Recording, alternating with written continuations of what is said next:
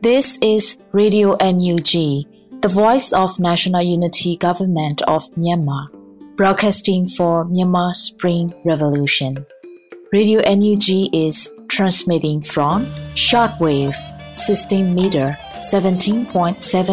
MHz at 8:30 a.m. and 25 meter 11.94 MHz at 8:30 p.m. Myanmar Standard Time မင်္ဂလာပါရှင်အမျိုးသားညီညွတ်ရေးအစိုးရရဲ့အတန်လွင့်ဌာနရေဒီယို NUG ကိုမနက်ပိုင်း၈နာရီခွဲမှာလိုင်းတူ16မီတာ19.7 MHz ညပိုင်း၈နာရီခွဲမှာလိုင်းတူ25မီတာ17.6 MHz တို့မှာဓာတ်ရိုက်ဖမ်းယူနားဆင်နိုင်ပါပြီမင်္ဂလာအပေါင်းနဲ့ပြည့်စုံကြပါစေအခုချိန်ကစပြီး Radio NUG အစီအစဉ်လေးကိုဓာတ်ရိုက်အတန်လွှင့်ပေးနေပါပြီ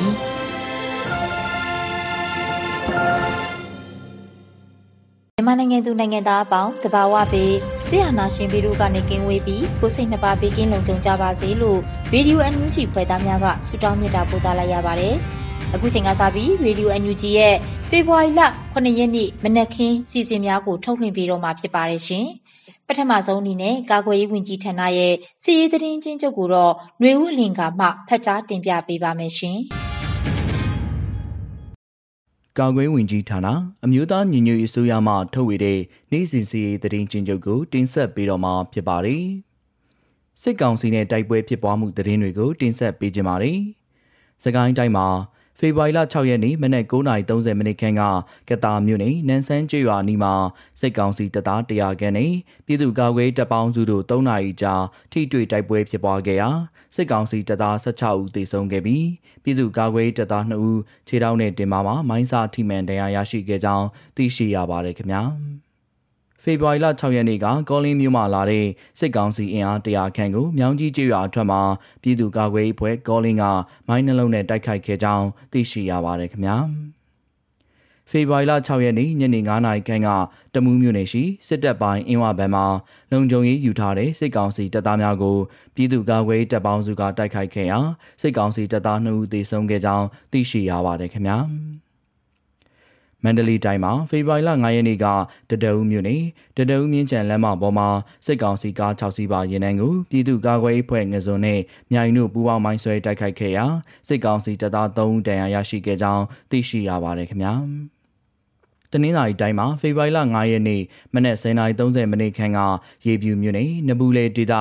ဘဝကန်းကြီးရွာမှာရေလုံငန်းလုတ်ကင်နေတဲ့ဒေသခံလှေပိုင်ရှင်များထံမှစက်ချင်းငွေတောင်းခံပြီးပြန်လာတဲ့ပြူစောတီအဖွဲ့ဝင်6ဦးလိုက်ပါလာတဲ့ကားကိုရေပြူမြို့နယ်နဘူးလေဒေသရှိပရဒက်ရွာထိပ်အနီးမှာဒေသခံ PDF အဖွဲ့မှတိုက်ခိုက်ခဲ့ရာပြူစောတီ3ဦးသေဆုံးခဲ့ပြီး4ဦးထိခိုက်ဒဏ်ရာရရှိကလက်နက်တချို့သိမ်းဆည်းရရှိခဲ့ကြောင်းသိရှိရပါတယ်ခင်ဗျာ။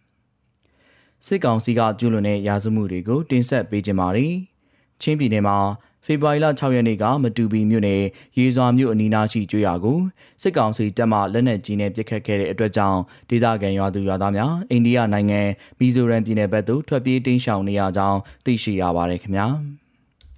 မကွေးတိုင်းမှာဖေဖော်ဝါရီလ6ရက်နေ့မနက်ပိုင်းကတောင်တွင်းကြီးနဲ့မကွေးမြို့နယ်အဆက်လှဲဝဲကြီးဖလန်တော်ရေတွင်းကောင်းခုနှစ်မိုင်ညောင်ပင်လှကြောက်ဆောင်ဆန်းကျွော်များကိုစစ်ကောင်စီမှအင်အား60နီးပါးနဲ့စစ်ကြောင်းထိုးဝင်ရောက်လာပြီးခုနှစ်မိုင်ရွာမှမင်္ဂလာဆောင်ကိုတနက်6ချက်ဖောက်ဝင်က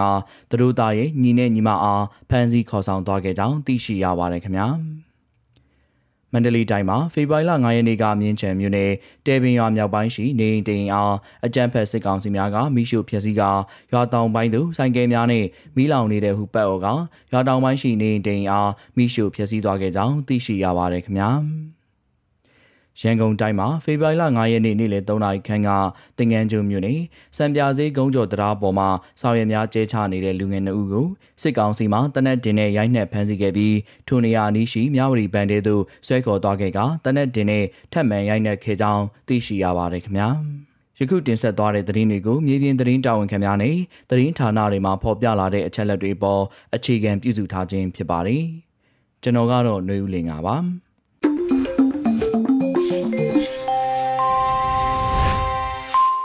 ရေဒီယိုအန်ယူဂျီမှဆက်လက်တန်လှည့်ပေးနေပါတယ်။အခုတစ်ခါမှာတော့နောက်ဆုံးရသတင်းများကိုရန်နိုင်မှဖတ်ကြားတင်ပြပေးပါမယ်ရှင်။မင်္ဂလာပါခင်ဗျာ။ကုချန်စာဘီရေဒီယိုအန်ယူဂျီမနက်ခင်းသတင်းတွေကိုဖတ်ကြားတင်ပြပေးပါရမယ်ခင်ဗျာအခုတင်ပြပေးမယ့်သတင်းတွေကတော့ရေဒီယိုအန်ယူဂျီသတင်းတာဝန်ခံတွေနဲ့ခိုင်လုံတဲ့မိဘသတင်းရင်းမြစ်တွေကအခြေခံထားတာပဲဖြစ်ပါတယ်ကျွန်တော်ကတော့ရန်နိုင်ပါမန္တလေးမြို့ကစာတင်တဲ့ကျောင်းတစ်ခုကိုစစ်ကောင်စီတပ်တွေက ချိတ်ပိတ်ပစ်လိုက်ကြတဲ့သတင်းကို တင်ဆက်ပေးပါမယ်မန္တလေးတိုင်းပြည်ကြီးတကုံမြို့နယ်မာဝီစီဒါရာမှာတိုက်တွန်းရှိတန်ခါသမကဆရာတော်အရှင်ကလျာဏသတင်း300ဒေဇာလင်္ကာရာကျောင်းကိုအာနာသိန်းစစ်ကောင်စီတပ်တွေက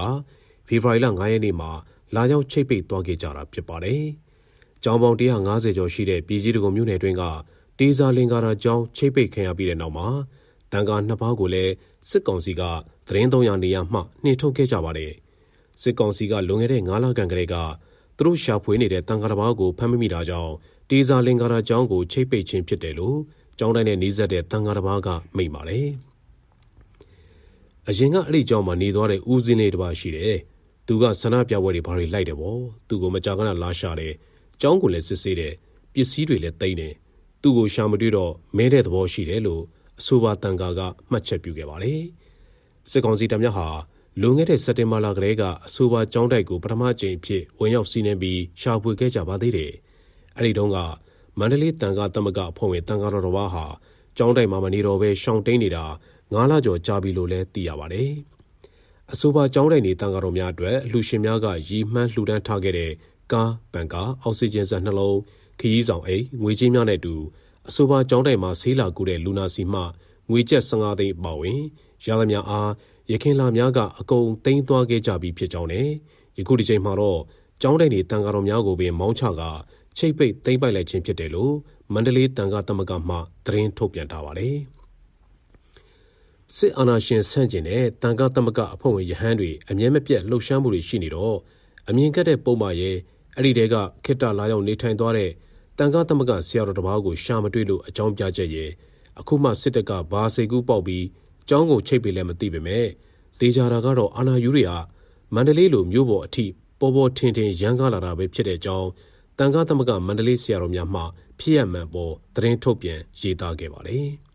။အရင်ဆုံးပြောချင်တာကတော့ဗျာမစီမဆိုင်တဲ့ဘုံကြီးကျောင်းတွေနဲ့ကျောင်းကိုချိတ်ပိတ်တဲ့ပုံမှာဦးစင်းနေနဲ့ကန့်ကွက်ရှုံချတယ်။ဦးစင်းတို့ရဲ့ဒိုင်ကာတကမများကလည်းဒုက္ခရောက်ကြတာမဟုတ်ဘူး။တန်ခါများလည်းဖမ်းဆီးညှဉ်းပန်းနှိပ်စက်ရိုက်နှက်အကျဉ်းချရုံမက ကျောင်းတိုင်များတောင်အခုချိတ်ပိတ်ခံနေရတယ်လို့ဖြစ်စဉ်နဲ့နှီးစက်တဲ့ဆရာတော်တန်ခါတော်များကမိန့်ပါတယ်။အခုနှင်ခံရတဲ့နှစ်ပါးကသူတို့ဘာသာအေးအေးဆေးဆေးနေကြတဲ့ဘုန်းကြီးတွေပါ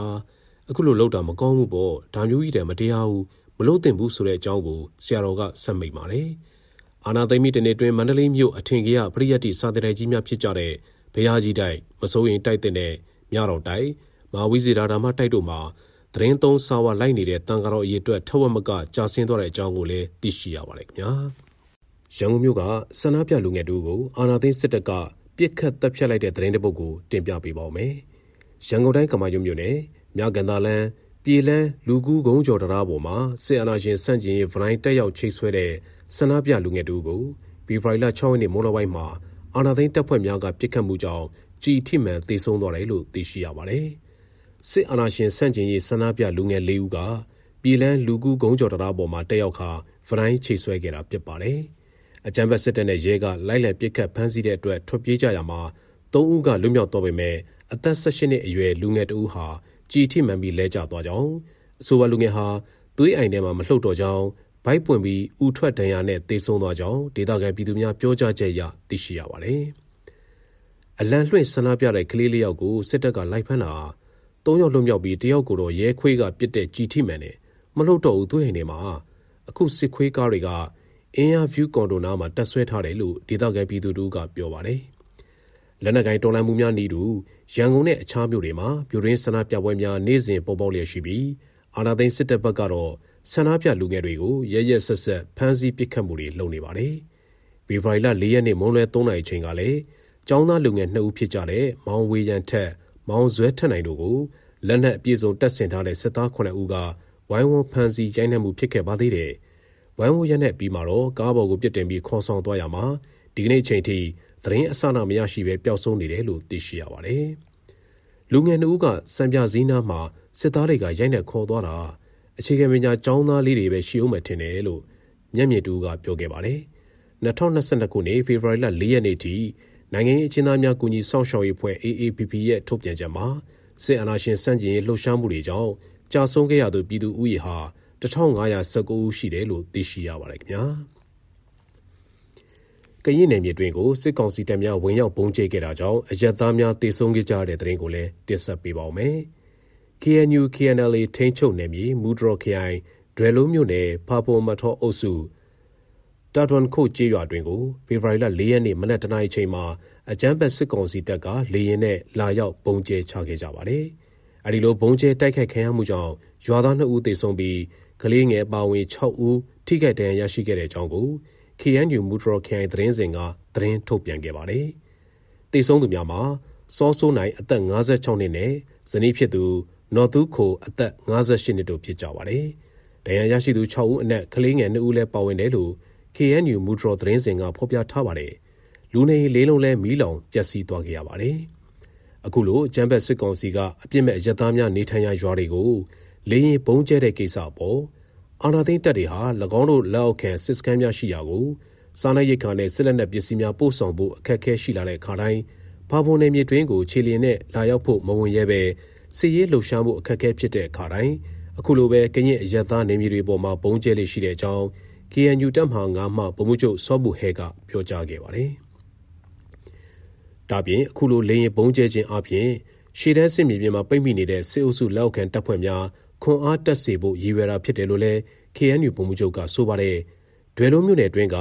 တာထွန်ခုတ်ကြေးရွာမှာလေရင်လာရောက်ပုံကျဲစဉ်တစ်ချိန်နဲ့အတွင်းမှာပဲလူသောမြို့နယ်ကလော်ထကြေးရွာအုပ်စုရှိမော်ဂိုဒေသမှာလည်းဘုံသုံးလုံးကျဲချတော်တယ်လို့ KNU မူထရသတင်းစင်ကရေးသားထားပါတယ်။ စစ်အာဏာရှင်စန့်ကျင်တဲ့ပြည်သူလူထုရဲ့တော်လှန်ရေးနဲ့အတူတသားတည်းရှိကြောင်းဖော်ပြခဲ့ပြီးတဲ့နောက်မှာကရင်ပြည်နယ်ဖာပုံမြို့နယ်အတွင်းကဒေသတွေမှာတိုက်ပွဲတွေခက်ဆိတ်ဆိတ်ပြန်လည်ဖြစ်ပွားခဲ့ပါတယ်။တပ်မဟာ9နယ်မြေကိုနယ်မြေရှင်းလင်းရေးလုပ်မယ်လို့အကြမ်းဖက်အာဏာသိမ်းစစ်တပ်ဘက်ကပြောဆိုထားတာရှိသလို KNU KNL ဘက်ကလည်းတပ်မဟာ9နယ်မြေအတွင်းလုံခြုံရေးသတိရှိကြဖို့ပြီးခဲ့တဲ့ရက်ပိုင်းကဒေသခံတွေကိုအသိပေးထားပါတယ်။စီရေးနှိမ့်လာတိုင်းစစ်ကောင်စီရဲ့လေကြောင်းပုံကျဲမှုတန်းတွေကြောင့် နေရက်စွန့်ခွာထွက်ပြေးနေရသူဟာလည်းနေ့စဉ်ရှိနေတယ်လို့သိရှိရပါတယ်ခင်ဗျာ။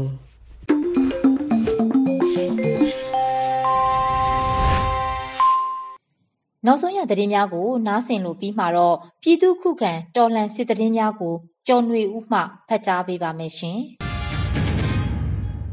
အခုအချိန်ကစပြီးတိုင်းရင်းသားညီနောင်အင်အားစုတွေပြည်သူ့ကာကွယ်တပ်မတော် PDF တပ်သားတွေနဲ့ပြည်သူလူထုတို့ရဲ့အရှိန်အဟုန်မြင့်လာတဲ့ တိုက်ပွဲသတင်းတွေကိုစူးစီးတင်ဆက်ပေးသွားမှာဖြစ်ပါတယ်။ကျွန်တော်ကျော်ຫນွေဦးပါ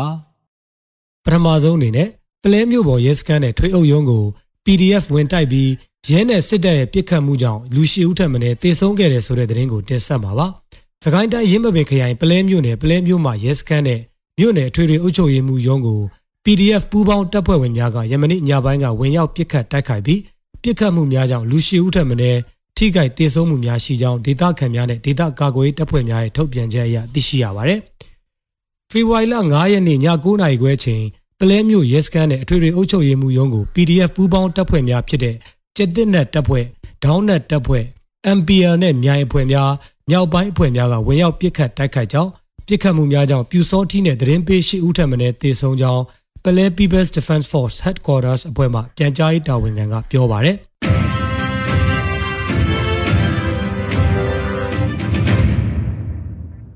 ဖားကံမနော့မော်နဲ့ကတ်မော်တိုက်ပွဲစစ်ကောင်စီတပ်တရင်မှုအပါဝင်ရဟတ်ရင်ဖြင့်စစ်ကူရောက်လာတဲ့စစ်ကောင်စီတပ်ဖွဲ့များပါတေဆုံးတဲ့တဲ့ရင်ကိုဆက်လက်တင်ဆက်မှာပါ။ကချင်ပြည်နယ်ဖားကန့်မြို့နယ်ရှိမနော့မော်နဲ့ကတ်မော်ရွာအနီးကချင်လွတ်လပ်ရေးတပ်မတော်နဲ့စစ်ကောင်စီတပ်တိုက်ပွဲမှာ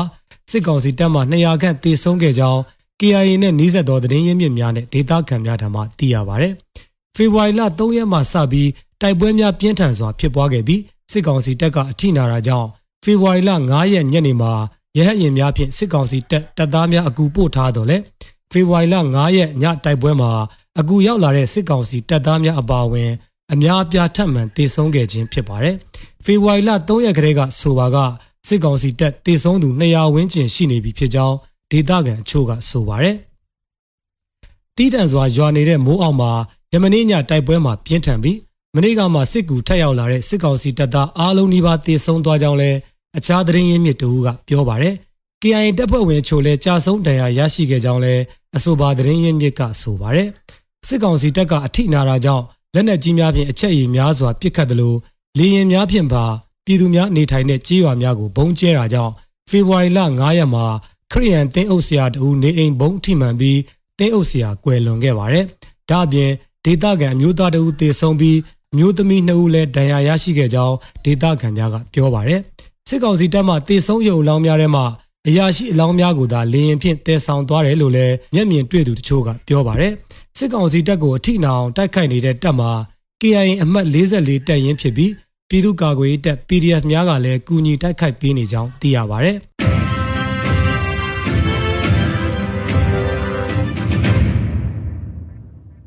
နောက်ဆုံးအနေနဲ့အမျိုးသားညီညွတ်ရေးအစိုးရပြည်ထရေးနဲ့လူဝင်မှုကြီးကြပ်ရေးဝန်ကြီးဌာနက 2022ခုနှစ်ဖေဖော်ဝါရီလ9ရက်ရက်စွဲနဲ့ထုတ်ပြန်တဲ့ပြည်သူ့ခုခံတော်လှန်စစ်တရင်အချက်လက်တွေကိုတင်ဆက်ပေးသွားမှာပါ။တရင်အချက်လက်များအရ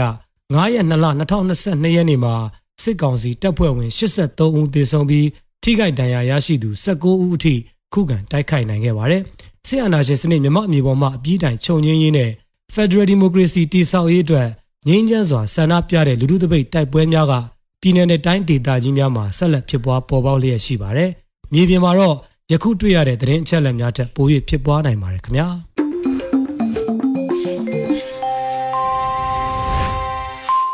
ရေဒီယိုအန်ယူဂျီမှာဆက်လက်တမ်းလှည့်ပေးနေပါတယ်။ဒီနေ့မနက်ခင်းရဲ့တော်လှန်ရေးတေးဂီတာအစီအစဉ်မှာတော့ပညာမော်တင်ဆက်ထားတဲ့ဒီနေ့တော်လှန်ရေးဆိုတဲ့တေးဂီတာကိုနားဆင်ကြရမှာဖြစ်ပါတယ်ရှင်။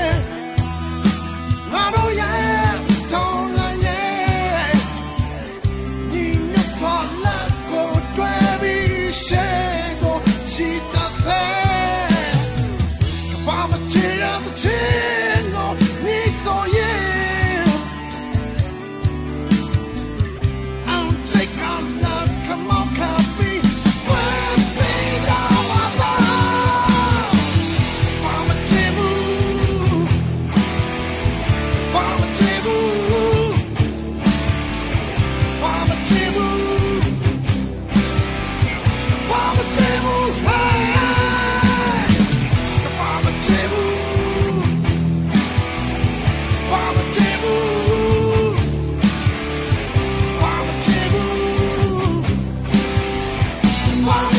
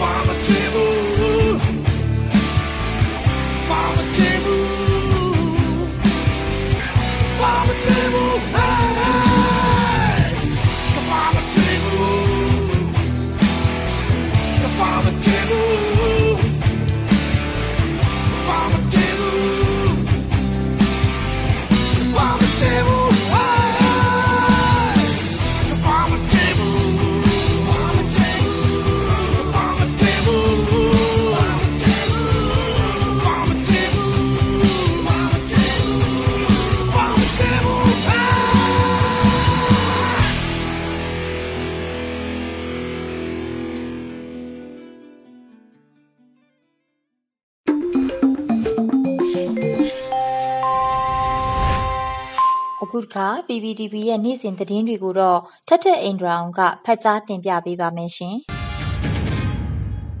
ပထမဆုံးတင်ဆက်ပေးမယ့်သတင်းကတော့မြမနွေဦးပန်းများအပြည်ပြည်ဆိုင်ရာဆွေးနွေးပွဲသို့ယာယီသမရဒူဝါလက်ရှိလာကမိန့်ခွန်းပြောကြားတဲ့သတင်းကိုတင်ဆက်ပေးပါမယ်။ အမေရိကန်နိုင်ငံမှာကျင်းပပြုလုပ်နေတဲ့မြန်မာ့ຫນွေဥပတ်များအပြည်ပြည်ဆိုင်ရာဆွေးနွေးပွဲ Spring Flowers International Conference on မြန်မာအခမ်းအနားကိုအမျိုးသားညီညွတ်ရေးအစိုးရယာယီသမ္မတဒူဝါလက်ရှိလာကမိန့်ခွန်းပြောကြားပေးခဲ့ပါတယ်။မြန်မာຫນွေဥပန်းများအပြည်ပြည်ဆိုင်ရာဆွေးနွေးပွဲကိုဖေဖော်ဝါရီလ9ရက်နေ့ကနေ12ရက်နေ့အထိ10ရက်ကြာပြုလုပ်သွားမှာဖြစ်ပါတယ်။ မြန်မာနိုင်ငံရဲ့ငြိမ်းချမ်းရေးနဲ့ဒီမိုကရေစီတိုက်ပွဲကိုအထောက်အကူဖြစ်စေရန်ရည်ရွယ်ပြီးတော့ Burmese American Community Institute BACI နဲ့နိုင်ငံတကာတက္ကသိုလ်တွေနဲ့မိဖက်လက်တွဲလျက်ရှိတဲ့ National University Source the Union of Myanmar Global Campus NUMM တို့ပူးတွဲပြီးတော့မြန်မာ့ຫນွေဥပတ်များအပြည်ပြည်ဆိုင်ရာဆွေးနွေးပွဲကိုပြုလုပ်ခဲ့တာလည်းဖြစ်ပါတယ်။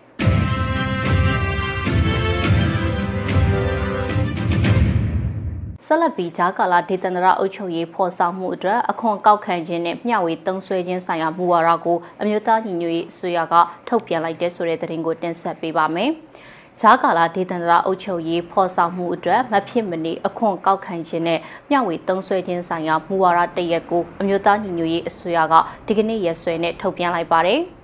ဥပဒေထဲမှာအခွန်ကောက်ခံခြင်းအခွန်မျှဝေတုံးဆွဲခြင်းလို့ခွဲခြားထားပြီးတော့အခွန်ကောက်ခံခြင်းဆိုတဲ့နေရာမှာပြည်ထောင်စုအဆင့်အစိုးရကိုယ်တိုင်အခွန်ကောက်ခံခြင်းပြည်သူ့အုပ်ချုပ်ရေးအဖွဲ့ပအဖမှတဆင့်အခွန်ကောက်ခံခြင်းဆိုပြီးတော့ခွဲခြားထားပါတယ်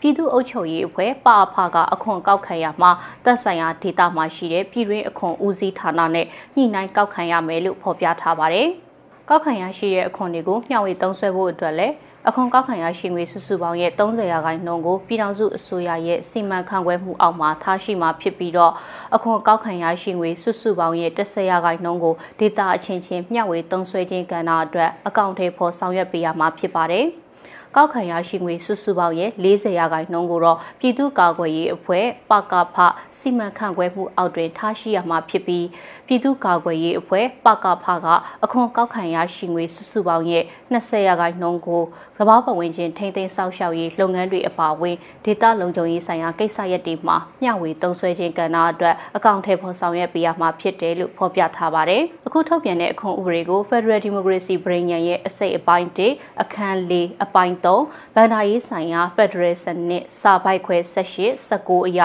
မူဝါဒချမှတ်ခြင်းဖြစ်တယ်လို့လည်းအမျိုးသားညီညွတ်ရေးအစိုးရကဖော်ပြထားပါတယ်။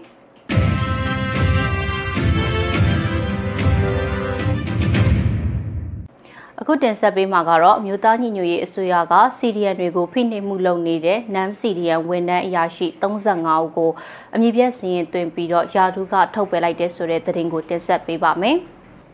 အမျိုးသားညီညွတ်ရေးအစိုးရကစီဒီအမ်ဝန်ထမ်းတွေကိုဖိနှိပ်မှုပြုလုပ်နေတဲ့တာသနာရေးနဲ့ယဉ်ကျေးမှုဝန်ကြီးဌာနတမိုင်းတုတေသနာနဲ့အမျိုးသားစာကြည့်တိုက်ဦးစီးဌာနကနမ်စီဒီအမ်ဝန်ထမ်းဦးစီးအရာရှိနဲ့အထက်အရာရှိ35ဦးကိုပြည်ထောင်စုဝန်ကြီးမန်းဝင်းခိုင်တန်းရဲ့အမိန့်နဲ့အမည်ပြည့်စည်ရင်သွင်းပြီးတော့ယာရုကထုတ်ပယ်လိုက်တယ်လို့သတင်းထုတ်ပြန်ပါတယ်။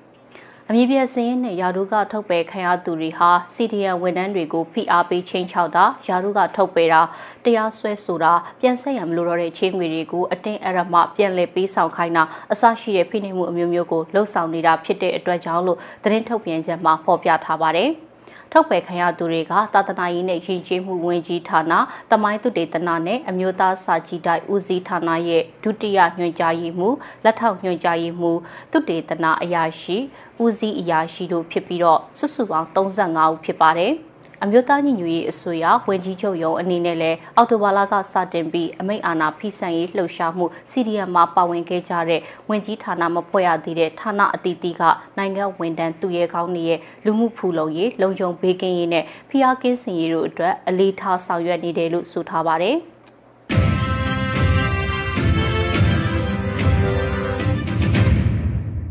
အခုနောက်ဆုံးအနေနဲ့မြန်မာနိုင်ငံတဝန်းလုံးကလူမျိုးပေါင်းစုံဘာသာပေါင်းစုံပါဝင်တဲ့စစ်အာဏာရှင်အမြင့်ပြည့်ချေမှုရေးလူထုဆန္ဒပြပွဲသတင်းတွေကိုစူးစီးတင်ဆက်ပြီးတော့မှာပါဆရာနာသိန်းတစ်နှစ်ပြည့်မှာတော်လှန်ရေးအရှိန်ပုံမတိုးမြင့်လာစေရန်အတွက်လူပေါင်းသစ်လူငယ် YNS ရဲဘော်တွေနဲ့ DPNS ရဲဘော်တွေက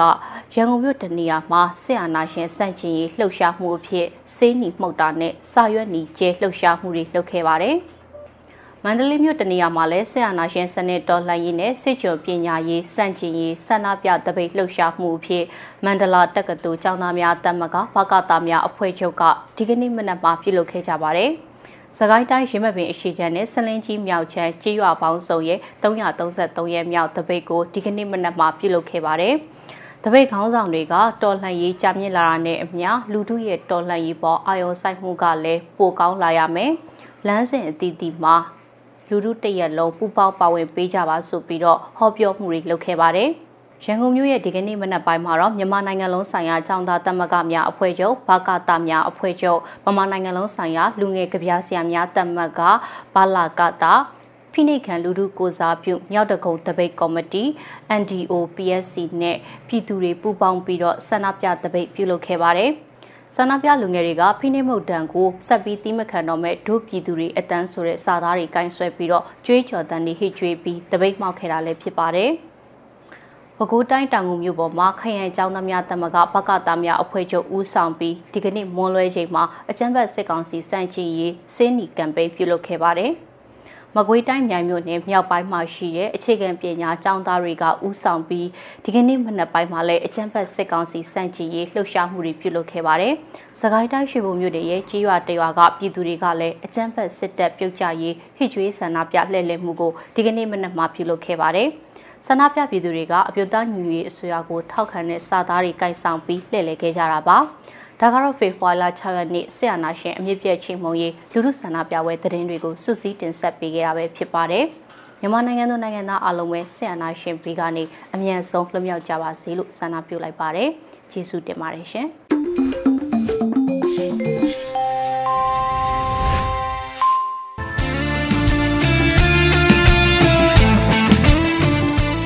တော်တာရှင်များရှင်2022ခုနှစ်ဖေဖော်ဝါရီလ1ရက်နေ့အထိ ဝယ်သူများထံပေးပို့ခဲ့ပြီးတဲ့ငွေတိုက်စာချုပ်ပေါင်းကတော့35,122ဆောင်ရှိပြီဖြစ်ပါတယ်။ဒေါ်လာရေးအတွက်အရေးတကြီးလိုအပ်နေတဲ့ဘဏ္ဍာရမုံငွေရရှိစေဖို့အတွက်ငွေတိုက်စာချုပ်တွေကိုစွမ်းသမျှဆက်လက်ဝယ်ယူပေးကြဖို့တိုက်တွန်းလိုက်ရပါတယ်။အကြံဖက်စစ်တပ်အမြင့်ဖြတ်ဖို့ငွေတိုက်စာချုပ်ဝယ်ကြစို့